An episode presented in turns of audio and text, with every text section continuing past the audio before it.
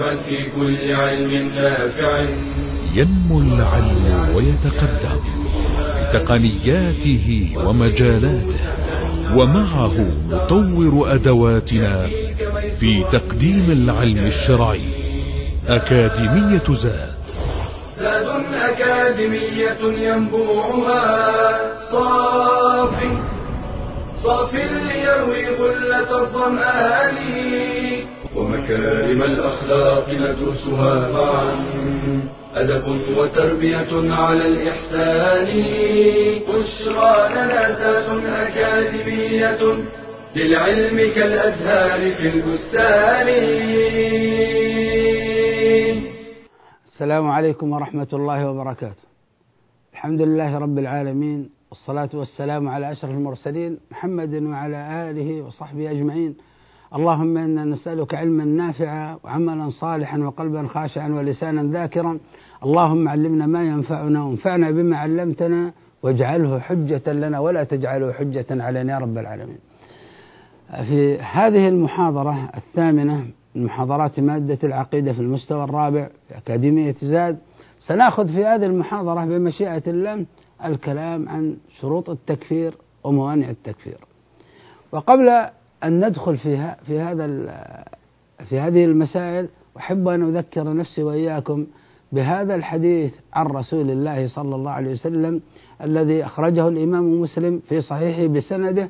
عن أبي هريرة رضي الله تعالى عنه قال قال رسول الله صلى الله عليه وسلم إن الله يرضى لكم ثلاثا ويكره لكم ثلاثا. يرضى لكم أن تعبدوه ولا تشركوا به شيئا. هكذا تكون علاقتنا بالله. علاقتنا بالله علاقة عبودية خالصة قائمة على الحب والخوف والرجاء وأن نعبد الله بما شرع في جميع مناحي الحياة. وأن تعتصموا بحبل الله جميعا ولا تفرقوا. هذه علاقتنا بمجتمعنا الإسلامي. أن نعتصم نحن وهم كما هذه الساعة ملتفة حول المعصم نحن نعتصم حول دين الله وحول كتاب الله وسنة النبي صلى الله عليه وسلم. حول دين الله نعتصم حول الدين ونتمسك بديننا ونلتف ولا نتفرق. لا نتفرق لا نفارق. كما فعلت الخوارج فارقت أهل الإسلام ورأتهم كفار وخرجوا عليهم بالسلاح. هذا ولا تفرقوا لا تفعلوا ذلك. لا تخرجوا على هذا المجتمع الإسلامي بهذا السلاح كما فعلت الخوارج. لا تفرقوا يعني تأتوا بأسباب التفرق في الدين بالابتداع. لا تبتدعوا في هذا الدين. لا تأخذوا ببعض هذا الدين. تفرقوا الدين بأخذ بعضه وترك بعضه فيحدث هذا الافتراق. فهذا أمر لنا بالاجتماع حول هذا الدين وعدم التفرق عنه. التفرق إما بأن يرى أن أهل الإسلام كفار فيخرج على عن هذا المجتمع ثم يعود محاربا له. أو يرتد والعياذ بالله فيخرج عنهم ردة بالدين فيفارق دينهم ويرتد عن دين الإسلام. أو يأتي بأسباب التفرق من الابتداع أو الأخذ ببعض هذا الدين وترك بعضه فيحدث هذا التفرق. فالنبي صلى الله عليه وسلم يأمرنا بالاجتماع والأخذ بأسباب التآلف والبعد عن أسباب الاختلاف. وفي المسند وفي موطأ الإمام مالك وأن تناصحوا من ولاه الله أمركم هذا الأمر الثالث. تناصحوا من ولاه الله أمركم. ما علاقتكم بولاة الأمر أهل الإسلام؟ علاقتنا مع ولاة أمرنا المسلمين ونحن في بلاد الإسلام علاقتنا علاقة النصيحة النصيحة بأداء ما له النصيحة ببيان ما عليه. قال صلى الله عليه وسلم ما يكره لكم؟ أي الله. قيل وقال. هذا اللسان يعمله الإنسان في نشر الإشاعات في أوساط المجتمع الإسلامي. وكثرة السؤال يتعلق قلبه بالمخلوقين بما في أيديهم فيكثر سؤالهم عما بما في أيديهم. وإضاعة المال. يأتي الإنسان ويضيع ماله هذا. فالمقصود هذا الحديث العجيب. يعلمنا فيه النبي صلى الله عليه وسلم اصول العلاقات مع الله ومع المجتمع مع ولاة الأمر. ويعلمنا الله سبحانه وتعالى فيه يعلمنا النبي صلى الله عليه وسلم فيه مهارات التعامل مع ألسنتنا مع قلوبنا مع أموالنا. بالنسبة للتكفير تذكرون في آخر شيء ذكرنا في المحاضرة الماضية أنه لا ينبغي أن يصدر الحكم بالكفر إلا عالم بشروط التكفير وعالم بموانع التكفير. قال ابن تيمية رحمه الله القول قد يكون كفرا. القول سواء يعني آه، قول القلب أو قول اللسان أو عمل الجوارح. القول أو الفعل قد يكون كفرا فيطلق القول بتكفير صاحبه فيقال من قال كذا فهو كافر من عمل كذا فهو كافر. ويقال من قال كذا فهو كافر. لكن الشخص المعين الذي قاله لا يحكم بكفره حتى تقوم عليه الحجة. مثال الشرك بالله. كفر. ترك الصلاة بالكلية كفر.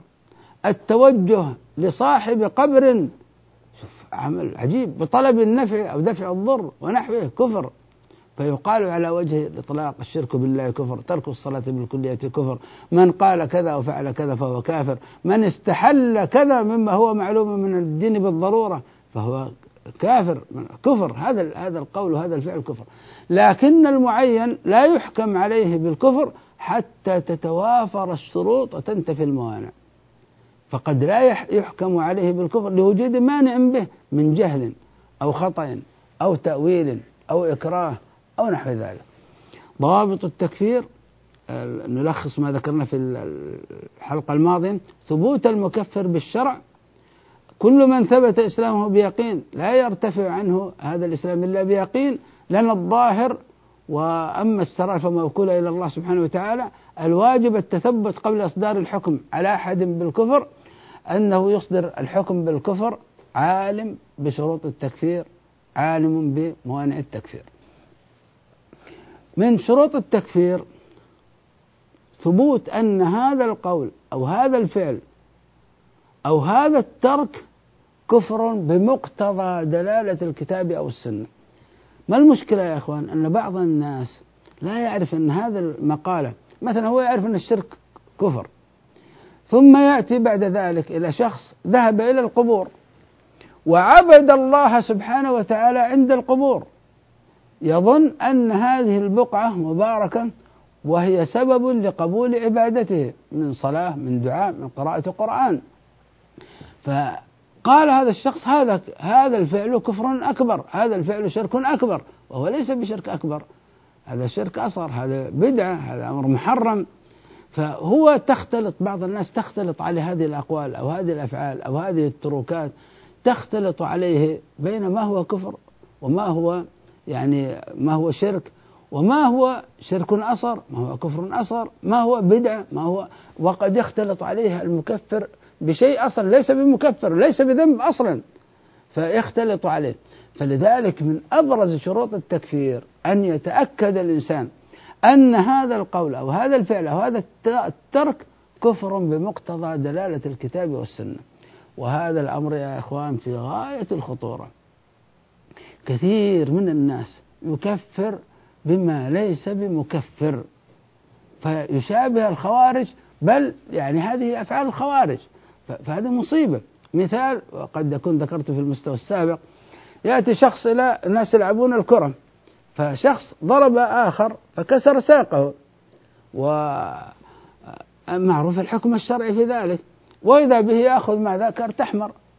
يأخذ كرت أحمر قد يأخذ كرت أصفر قد يأخذ فاول بس. هل هذا هو الحكم الشرعي؟ فيأتي شخص ويقول هؤلاء يحكمون بغير ما أنزل الله. وهؤلاء يتحاكمون إلى أحكام الفيفا وهؤلاء كفار لكونهم لا يرجعون في هذه المسائل في هذا في لا يرجعون في التحاكم إلى الله سبحانه وتعالى الرسول. والصحيح أن هذه قوانين لعبة لكن إذا كان الإنسان هذا الشخص ذاك ضربه متعمدا يذهب إلى المحكمة ويشتكي ويتحاكم معه إلى الحكم الشرعي. لكن هذه لعبة مبنية في الأصل على التسامح وهذه اللعبة لها حكم معين. مثل يعني ما ذكرنا لكم أظن في المستوى السابق وناس وضعوا مستطيل ثم بينه خط ثم شخص يجري يدخل الخط هذا يلمس واحد ويعود. هذا الحكم إذا لمسه ثم عاد هذا يعتبر ميت فيخرج من اللعبة.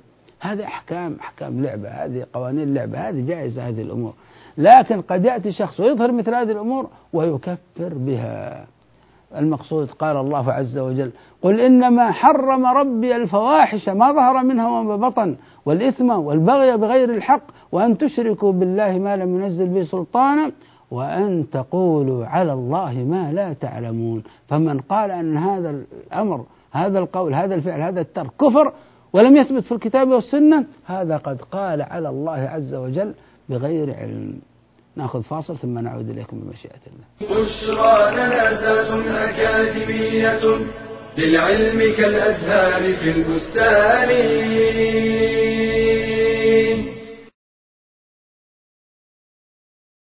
نزل الوحي الإلهي باللسان العربي المبين. قال تعالى إنا أنزلناه قرآنا عربيا لعلكم تعقلون. فتعلم العربية يسهل فقه معاني الكتاب والسنة وكلام السلف. وكتب عمر إلى أبي موسى. أما بعد فتفقهوا في السنة وتفقهوا في العربية. وعلم النحو هو علم بأصول يعرف منها أحوال أواخر الكلم اعرابا وبناء.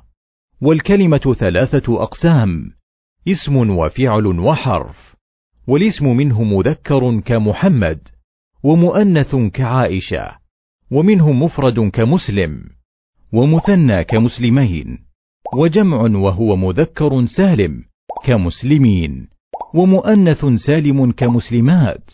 وجمع تكسير كعلماء والاسم منه نكرة كرجل ومعرفة وهو أنواع الضمير كأنا وهم والعلم كأحمد واسم إشارة كأولاء والاسم الموصول كالذي والمعرف بأل كالرجل وبالإضافة كطالب العلم والإعراب هو. تغيير أواخر الكلم لاختلاف العوامل الداخلة عليها لفظا أو تقديرا. وعكسه البناء. وأقسام الإعراب أربعة الرفع وعلامته الأصلية الضمه والنصب وعلامته الأصلية الفتحه والجر وعلامته الأصلية الكسرة ويختص بالأسماء والجزم وعلامته الأصلية السكون ويختص بالأفعال. والفعل ثلاثة أقسام ماض كذهب ومضارع كيذهب وأمر نحو اذهب. والماضي والأمر مبنيان والمضارع يعرب ويبنى والجملة إما اسمية وهي مبتدأ وخبر وإما فعلية وهي فعل وفاعل. فتعلم النحو واللغة لتفهم نصوص الوحي. فإنه نزل إلينا. بلسان عربي مبين. بشرى لنا أكاديمية للعلم كالأزهار في البستان. حياكم الله أيها الأحبة بعد الفاصل. آه، الضابط الثاني أو الشرط الثاني من شروط التكفير الشرط الأول قلنا أن يكون هذا المكفر ثابت أنه هو هو المكفر الذي ورد ذكره في الكتاب والسنة. ولا يلتبس على الإنسان تلتبس عليه الأمور. فيكفر بما ليس بمكفر. يكفر آه، بالكبائر. يكفر بمطلق الذنوب. يكفر بما ليس بذنب. فيذهب إلى طريق الخوارج عياذا بالله. الأمر الثاني أن يثبت لديه يقينا. أن هذا القول الكفري أن هذا الفعل الكفري أن هذا الترك الكفري قد قام بذلك الشخص الذي يعتبر مكلفا. ما يكون هذا الشخص مجنون ما يكون هذا الشخص يعني غير مكلف لا لابد أن يكون مكلف.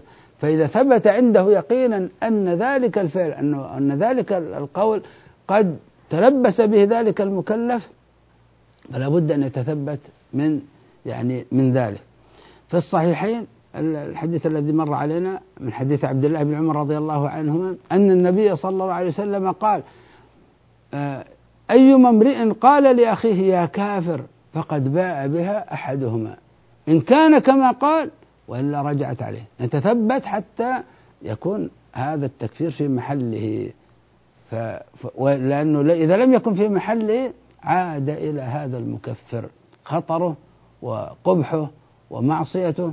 تعود إليه مرة أخرى وقد يعني تكون سبب لوقوع في التكفير آه، قد يكون سبب لوقوع في الكفر هو نفسه وهكذا. الأمر الثالث أن هذا المعين لابد أن نفرق بين التكفير المطلق وتكفير المعين. التكفير المطلق وقال هذا القول الكفر هذا الفعل كفر. المعين لابد أن تبلغه الحجة. هنا بعض الناس يعني آه، تضطرب عنده الأمور. شروط التكفير التأكد من انتفاء موانع التكفير. آه، أن تكون الحجة الرسالية قد بلغت هذا الشخص وفهمها فهما واضحا بينا. هذا الأمر يعني الناس خاضوا فيه وصارت فيه مشاكل وصار فيه يعني اتهامات. هؤلاء يتهمون في مسألة بلوغ الحجة. هؤلاء يتهمون هؤلاء بالخوارج وهؤلاء يتهمونهم بالإرجاء. والمسألة تطبيقية. إذا كان هناك اتفاق على أن الإيمان قول وعمل وأن الكفر قول وعمل واتفاق على المكفرات الشرعية وعلى نواقض الإسلام اتفاق. صار الاختلاف الآن في إنزال هذه الأحكام على الأعيان. هذا لا علاقة له بالخوارج ولا علاقة له بالإرجاء هذه مسائل اجتهادية. هذا الشخص توفرت عنده الشروط شروط التكفير رآها متوفرة ورأى أن موانع التكفير منتفية. فقال هذا كافر. الآخر درس الموضوع فرأى أن هناك نقص في شروط التكفير. هناك نقص في التأكد من موانع التكفير. يوجد هناك اشتباه عندهم أن هذا الإنسان يمكن أن يعذر بجهله لأنه في بيئة بعيدة وأنه ممكن ما ما تعلم أنه ممكن متأول. هنا هذا الشخص لم يكفر. هنا المسألة لا علاقة لها لا علاقة لها بالخوارج ولا علاقة لها بالإرجاء. من عذر هذا الشخص بالجهل. و ولم يكفره وهذا لم يعذره بالجهل فكفره هذا الخلاف خلاف تطبيقي خلاف تطبيقي. هذا يرى أنه كان بإمكانه يتعلم هذا يرى أنه ما كان بإمكانه أن يتعلم. ف ثم إنزال هذا الحكم على هذا المعين بالذات.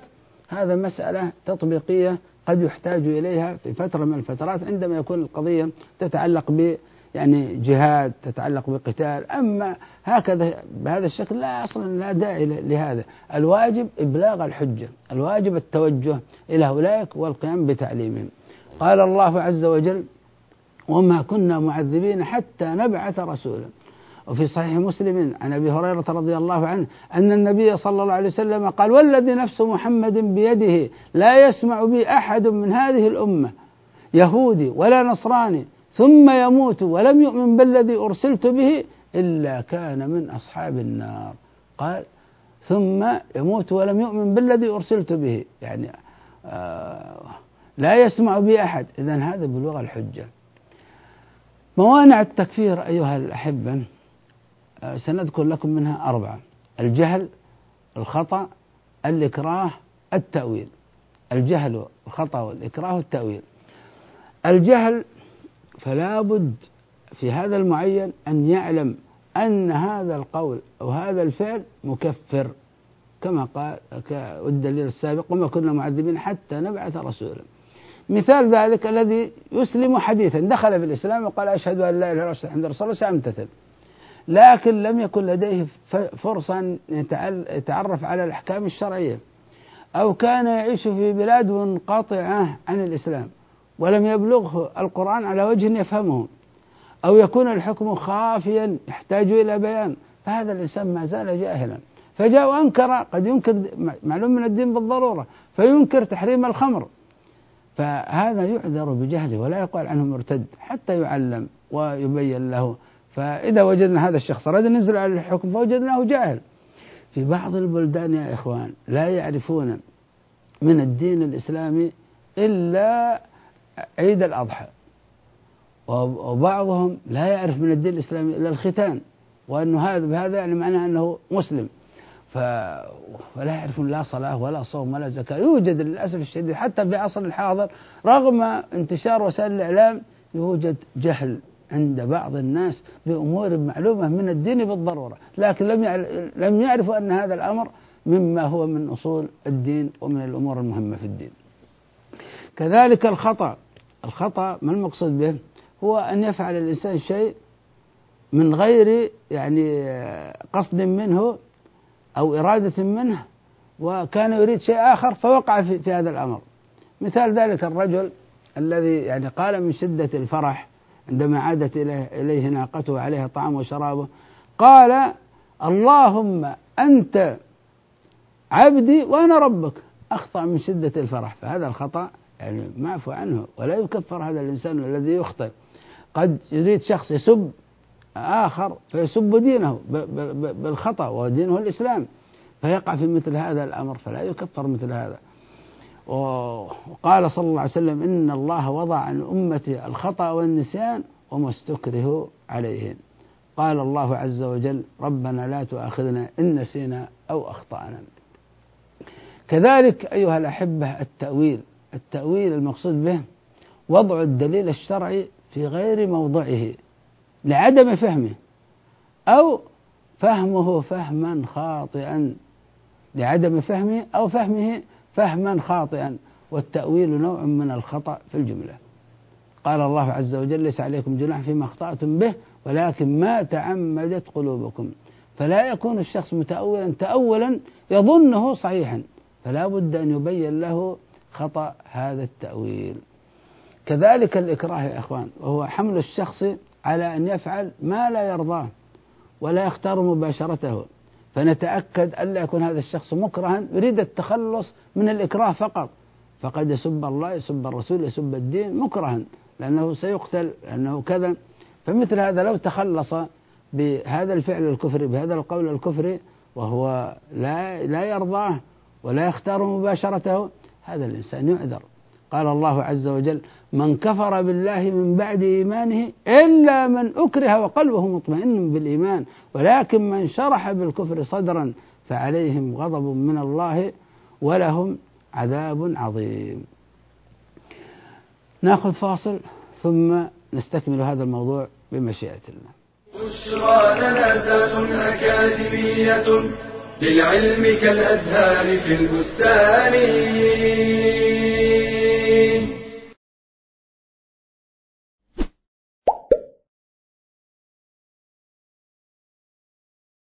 هل أنت حريص على رأس مالك؟ هل تحافظ عليه من الضياع؟ فرأس مالك الحقيقي هو الوقت. قال الحسن البصري: ابن آدم، إنما أنت أيام، كلما ذهب يوم، ذهب بعضك. ومن أهمية الوقت، أقسم الله به في كتابه فقال: والليل إذا يغشى والنهار إذا تجلى. وسوف نسأل عن الوقت يوم القيامة. قال صلى الله عليه وسلم لا تزول قدم عبد يوم القيامة حتى يسأل عن عمره فيما أفناه الحديث وإذا أراد الله بالعبد خيرا أعانه بالوقت. وإذا أراد به شرا جعل وقته عليه. وفي سيرة السلف أروع الأمثلة على استغلال الوقت. فقد كان داود الطائي يستف الفتيت ويقول بين سف الفتيت وأكل الخبز قراءة خمسين آية. وقال ابن القيم أعرف من أصابه مرض وكان الكتاب عند رأسه. فإذا وجد إفاقة قرأ فيه فإذا غلب وضعه. ومن آداب الطالب ألا يسوف في تحصيل فائدة لأن للتأخير آفات ولأنه في الزمن الثاني يحصل غيرها. ومن المحافظة على الوقت البعد عن البطالين الذين يقضون أعمارهم في المسامرات. فلا تكن ممن لا يشكرون نعمة الوقت. فإن رسول الله صلى الله عليه وسلم قال: نعمتان مغبون فيهما كثير من الناس الصحة والفراغ. بشرى لنا أكاديمية للعلم كالأزهار في البستان. حياكم الله أيها الأحبة. في ختام هذه الحلقة آه، نريد أن نلخص شروط التكفير وموانع التكفير. شروط التكفير وموانع التكفير يمكن تلخيصها في أربعة. آه، الأول العلم هذا شرط التكفير أن يكون ذلك الشخص عالما بأن هذا القول وأن هذا الفعل كفر. ومانع التكفير أن يكون جاهلا. ما جاهل أن هذا القول أو هذا الفعل كفر. والأمر الثاني أن يكون قاصد قد قصد أن يقول ذلك القول. قصد أن يفعل ذلك الفعل الذي هو يعلم أنه كفر. فقصد ذلك الفعل الكفري أو قصد ذلك القول الكفري ولم يكن عن خطأ منهم وهذا مانع التكفير أن يكون مخطئا.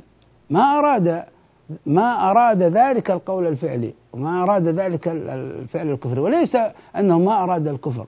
يعني بعض الناس يظن أن الإرادة إرادة الكفر نفسه. يعني اختار الكفر. لا هو الإرادة المقصود بها هنا إرادة الفعل الكفري أو القول الكفري. لكنه أخطأ. مثلا إنسان داس المصحف خطأ. هذا أخطأ في هذا بخلاف من يدوس المصحف متعمدا ويقول أنا لا أريد أن أكفر. ولا يريد أن يكفر صحيح. لكن ويعلم أن دوس المصحف متعمدا كفر. فذهب وداس المصحف متعمدا وليس خطأ ويعلم أن هذا الدوس المصحف كفر ويقول أنا لا أريد أن لا يريد لم يختار الكفر. لا نقول له هذا الفعل كفري ووقوعك في هذا الفعل وقوع في الكفر عياذا بالله. الأمر الثالث القصد أن يكون آه، مختارا آسف الاختيار أن يكون مختار آه، وليس مكرها. اختار من الأمر أن هذا الشخص يعني عنده خيار يفعله أو لا يفعله. فكان يستطيع الاختيار أن لا يفعل لكنه أكره هذا الشخص ففعل آه، آسف أكره فنزع عنه هذا الاختيار. فلم يصبح عنده اختيار آخر إما أن يقع في هذا الكفر يفعل هذا الكفر أو يقتل. فهذا صار مكرها. فإذا كان مكرها فهذا مانع من موانع التكفير. وأما إذا كان هو مختار عنده الخيار في ذلك ولم تنزع منه هذه الإرادة ففعل هذا الأمر عن اختيار منه فهذا والعياذ بالله يعني توفر فيه شرط التكفير. الأمر الرابع الوضوح وبلوغ الحجة يعني بشكل واضح تماما وفهم المقصود لكنه يعني أراد ذلك. وقال به وهو قال بضده طبعا بضده الكفري وهو والأمر واضح عنده تماما ليس متأولا. فهذا هنا مانع التكفير التأويل. التأويل يظن أن هذا هو الفهم الصحيح لهذا النص. يظن أن أن معنى هذا النص كذا وكذا أو قلد شخصا آه، متأولا. ومشى على هذا التأويل. هذا مختلف هذا مانع من مانع التكفير. ومن شروط التكفير أن يكون هذا الأمر واضحا عنده لا لا لبس فيه لا لبس فيه. أخذنا هذه القضايا يعني بالتفصيل. نختم يا إخوان هذه الحلقة بالكلام عن الخوارج. ونحن تحدثنا عن الخوارج في المستوى الثالث بشيء من التفصيل لكن هنا نريد أن نؤكد على هذه القضية أيضا. مشكلة الخوارج الرئيسة هي في التكفير بغير المكفرات الشرعية. فهم يكفرون بما يظنونه كفرا وقد لا يكون ذنبا أصلا ويكفرون بمطلق الذنوب يعني بالكبائر. وهذا ما يدعوهم للخروج على المخالفين لهم من أهل الإسلام. ومن هنا صار أبرز الفوارق المميزة للخوارج عن غيرهم من الفرق وعن البغاة وعن الجماعات الغالية في التكفير هو التكفير بمطلق الذنوب والتكفير بالمخالفة لهم في الرأي ويترتب على ذلك الخروج على الإمام الحق وعلى أهل الإسلام لاعتقاد كفرهم بسبب مخالفتهم لهم في الرأي أو لارتكابهم ما يعتقدونه كفرا من الذنوب. فلنتنبه لهذه القضية. الخوارج يا إخوان آه لفظ إما أن يطلق على فرقة بعينها فهي فالخوارج هي تلك الطائفة التي خرجت على علي بن أبي طالب رضي الله عنه عقب معركة صفين بعد قبوله التحكيم وقالوا بكفره لقبوله التحكيم وكفر معاوية رضي الله عنه وكفر الحكمين وكفر من رضي بالتحكيم وكفر عثمان رضي الله عنه وكفر أصحاب الجمل. هذه الطائفة معروفة كانت تسمى المحكمة الأوائل ثم صار نسبهم الأزارقة ثم يعني ظهرت منهم الصفرية النجدات الأباضية هذه فرقة إلى اليوم لها وجود صار وجودها الآن في فرقة الأباضية هذا فرقة هذا إطلاق على فرقة بعينها. لكن هناك إطلاق آخر وهو تعريف عام للخوارج. يطلق على كل من يقول بتكفير مرتكب الكبيرة كل من يكفر مرتكب الكبائر. كل من يكفر من خالفه في الرأي ليس في دين الإسلام إنما هذا اجتهد وراء هذا الرأي فخالفه فيه فكفره. هذا هو الخارجي الذي يكفر بمطلق الذنوب الذي يكفر بمخالف الرأي ويخرج عن الإمام الحق فهذا يعتبر خارجي من الخوارج. أبرز صفات الخوارج يا إخوان بحيث يحذرها الإنسان أبرز صفة الجهل بأحكام الدين وعدم الفهم الصحيح لنصوص القرآن والسنة. والنبي صلى الله عليه وسلم أخبرنا عن ذلك فقال يقرؤون القرآن لا يجاوز ترقيهم هذا عظم الترقي يعني لا يصل إلى قلوبهم لا يعونه لا يفهمونه. يقول لهم شخص إن الحكم إلا, إلا لله. وهؤلاء حكموا أشخاص إذا قد كفروا لأنهم لم يحكموا كتاب الله. طيب وكتاب الله من يحكم به؟ إلا الأشخاص. فيقرؤون كتاب الله ويحكمون به في كتاب الله. المقصود عندهم هذا الجهل بأحكام الدين جهلا واضحا بين هذه أبرز صفة في الخوارج. وإن حفظوا القرآن الكريم فقد تجد الخارجي من شدة حفظه للقرآن أنه ممكن يقرأ الصفحة من أسفل إلى أعلى من شدة حفظه ومن شدة إتقانه للقرآن لكن بدون فهم للمعاني. وينزل هذه الآيات وهذه الأحاديث ينزلها في غير مواضعها.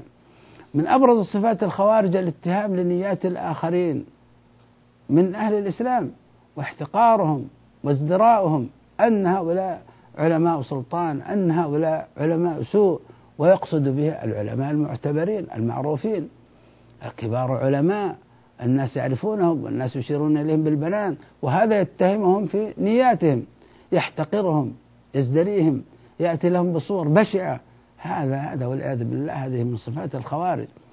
أيضا من صفات الخوارج أنهم فيما بينهم أتفه المسائل إذا ذكرت يختلفون فيما بينهم في تلك المسائل وينتقل الأمر إلى التكفير تكفير بعضهم لبعض. يعني تذهب فتجد مجموعة من الناس كانوا سنة وكانوا كذا ثم وجدتهم منفصلين ثم تسأل عنهم يعني لماذا انفصلتم كذا فيقول تلك المجموعة خوارج. وأولئك المجموعة الأخرى يقولون عن تلك المجموعة التي قالت عنهم خوارج يسمونهم مثلا مرجع هؤلاء مرجع. واتهامات عقدية والخلاف خلاف إداري خلاف في إدارة مركز في إدارة كذا. الإعجاب والتعالي بالنفس يرى نفسه هو أعلم وهو الحريص على مصلحة الدين وهكذا. أيها الأحبة الإخوة وضعوا لكم نشاط في آخر هذا الدرس. حبذا الاهتمام به. من هذا النشاط من أعظم ما ابتليت به الأمة التكفير. اكتب مختصرا في بيان خطره خطورة التكفير. المقصود بالتكفير بغير حق. ما خطر هذا ما أسبابه وهكذا. أيضا قاعدة من ثبت الإسلام بيقين فلا يرتفع إلا بيقين تشرح هذه. اكتب باختصار في موانع التكفير. أذكر القاعدة في تكفير معين وما الذي يترتب عليه. اكتب بحثا في العلاقة بين الخوارج والتكفير. التكفير بغير حق. ننبه على هذا الموضوع. حبذا الاهتمام بهذا النشاط.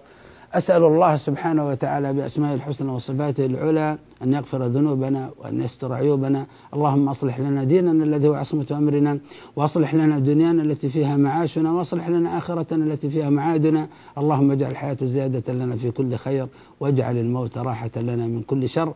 وصلى الله وسلم وبارك على عبده ورسوله محمد وجزاكم الله خيرا. وإلى اللقاء في حلقة أخرى بمشيئة الله. يا راغبا في كل علم نافع متطلعا لزيادة الإيمان. وتريد سهلا النوال ميسرا يأتيك ميسورا بأي مكان. زاد زاد أكاديمية ينبوعها.